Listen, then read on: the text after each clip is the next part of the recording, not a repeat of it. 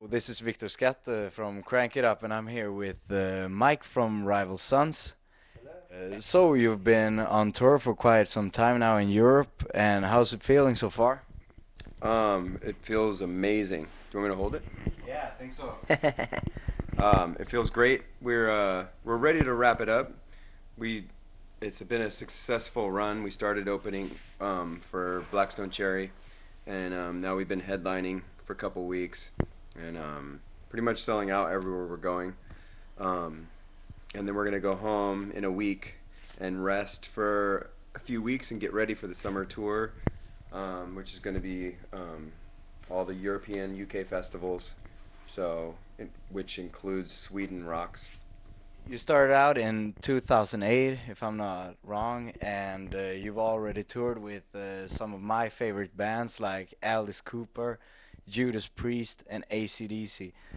Uh, Rob Halford, on the last day of the tour, um, thanked us personally, said he really liked what we were doing, and um, and that we had balls for doing what we were doing because we were like blues rock opening for like a metal band. Yeah. And he said when they first got their start, uh, he told us a story about when they they opened for Foghat, which is more of a blues rock band, Yeah. And they were metal. Um, and he's like, they had pints of piss thrown at them, bottles, um, all sorts of stuff. And so, you know, he commended us for doing what we were doing, and he said he really liked our, our music. And so, But you're here and you're touring with a well new and new album, uh, Pressure and Time, and I read that it was recorded and it was actually written, recorded and mixed in 20 days. we kind we first of all we believed in ourselves enough to know that we could do it. And um, on our first album, we kind of did that. And um, Before the Fire is the first one we self self produced that. And um, we kind of did that. We wrote, um, we made the songs musically um, in a day, put the guitar solos on, and then spent another few days putting the vocals on after the music was done. And so we knew we could put a song together. And Jay, Jay, um, after getting Jay in 2008, we knew that um, he's a wordsmith, he's a songster, he's a Yeah. songwriter. He's been writing songs for um, since he was a kid. Yeah. So he, we knowing, knowing he believed in himself enough to come up with melodies and words in a day, and we knew we could do it. Um, we weren't scared at all. We none, nobody went in thinking this was going to be hard, and um, it was a little arduous uh, at times, but we still pulled it off. Um, and it's fun. It's challenging. It's nice to to give yourself a a challenge, and then uh, sometimes if you overthink stuff, it takes the danger away from it. 'Cause, uh, Jay, he's like he's got this singer-songwriting background. How has that influenced the sound and the songwriting of Rival Sons? I think that the perfect blend of that is our current single that we're about to release or have released, um, "Face of Light."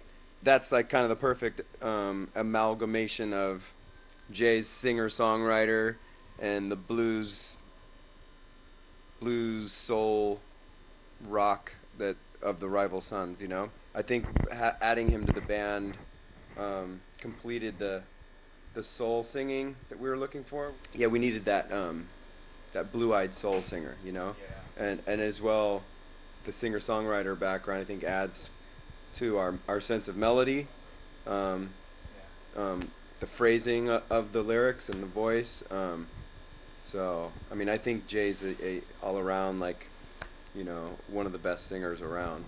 I think we're lucky to have him. It's a lot of the early 70s stuff, but it's also the blues. But what kind of blues uh, do you like to listen to and get inspiration from? Yeah, I mean, there's so many uh, schools and genres of blues. If when you start opening, un- unpacking that, because Jay and Scott more so are are more like the the blues guys, you know. Me and Robin are more the funk, soul, jazz aspect of the band. I've got I've listened to blues my whole life, but you know, I grew up on like John Lee Hooker, B.B. King, some of the bigger names, whereas Jay and Scott will go into the like names I've never heard of.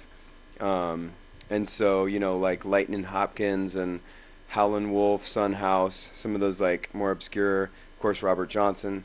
Um, so I mean, uh, all these, all those people influenced Chuck Berry, Elvis Presley, Little Richard, the Beatles, Led Zeppelin, and, it goes up the chain. And then all of a sudden, the blues stopped influencing rock and roll. We're, what like mid '70s, maybe mid to late '70s, and then you have basically metal kind of taking over in the '80s.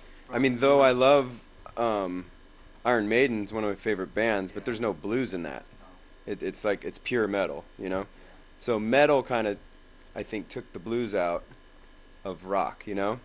And I'm not saying metal's bad. I'm just saying it's metal's metal, you know. And so Zeppelin kind of are the at, the apex of of hard rock, you know. Or they kind of started it from hard rock. You get like Black Sabbath, and you can see the tr- the family tree, so to speak, and how it led to everything. And the blues has been kind of missing, I think, from rock music for 20 to 30 years. You could say you could easily make that argument. I mean, we have like now we have ja- anything Jack White does. He's always bringing the blues to his bands. Raconteurs, Dead Weather, White Stripes, Black Keys. Black Keys are another band that are, are bringing back the blues. There's um, the Dap Kings. What's her name? Sharon. Sharon Jones. Sharon Jones and the Dap Kings and like Amy Winehouse. They were kind of bringing back that soul singing in and uh, Raphael Saadiq and like there's t- there's plenty of people that are kind of bringing that soul music back from the '60s, which we're drawing from the well of the blues to answer your original question. Yeah. I discovered every fucking base possible. this is uh, Robin here on the bass, uh, who's uh, currently on lead uh, iPhone. Uh, what do you think is the most important thing to like get a crowd going on the Rival Sons shows? Um, well, my first thing that comes to my mind is honesty. Like, this is who we are. This is what we do, and we're gonna give it to you. It's it's subjective, you know. It's different every night. We personally um, push each other every night. Like, we're we're constantly trying to improve the set. We're trying to make it um, different. We're trying to switch songs around and see which ones go back to back. So, e- like, we're we're massaging it and um, and it keeps us on our toes. We never we never want to like fall into a rut. You know, we try to police ourselves. um, from- that's when you lose the danger Yeah. and the excitement of it. yeah, and I think the audiences feel that danger and the excitement and the, um, and in, to me, at the end of the day, that's honesty. It's like, here it goes, boom, that's it. You know, what you see is what you get. You know, we just finished tracking an, a new album. Um, what's next immediately? We have about a week left of the tour, um, and we're releasing "Face of Light" as a single and a video, and then we rest for a month. Then we're doing some Canadian festivals. Then we're doing two months in Europe, UK, June and July. Um, and then this album we just finished recording will probably come out end of August, September, um, on Earache Records again. And um, in the fall, I think we're coming back here again. So we'll probably hit Canada and Tokyo and maybe Australia in between then. And so we have a lot on her plate. So that's why I was I keep mentioning this break we're about to have because we're gonna have about a month off, and um, we're all very excited to just rest for a second. You know, Yeah. because it's been so crazy. For we had a month off at Christmas too, but I haven't been home since January 9th. So I'd like to pet my cat and go surfing and walk on the beach barefoot. So, what do you do to like uh, keep up the spark on tour? I see you got some habaneros and everything here. Um, we have greens, spinach, um, and we all we run them through a juicer. Um, we have lemons, limes, oranges, um, a big professional, um, you know, 800 watt juicer, and you just throw all these things in, and you and you get this like brown, greenish brown juice that's really really good for you. Here's the end of one of them, um, but. Uh, and this counteracts the um, the hard lifestyle of getting no sleep and maybe having too much to drink one night and and playing and it's good to stay healthy. I we like to um, sightsee do all the touristy things that we can.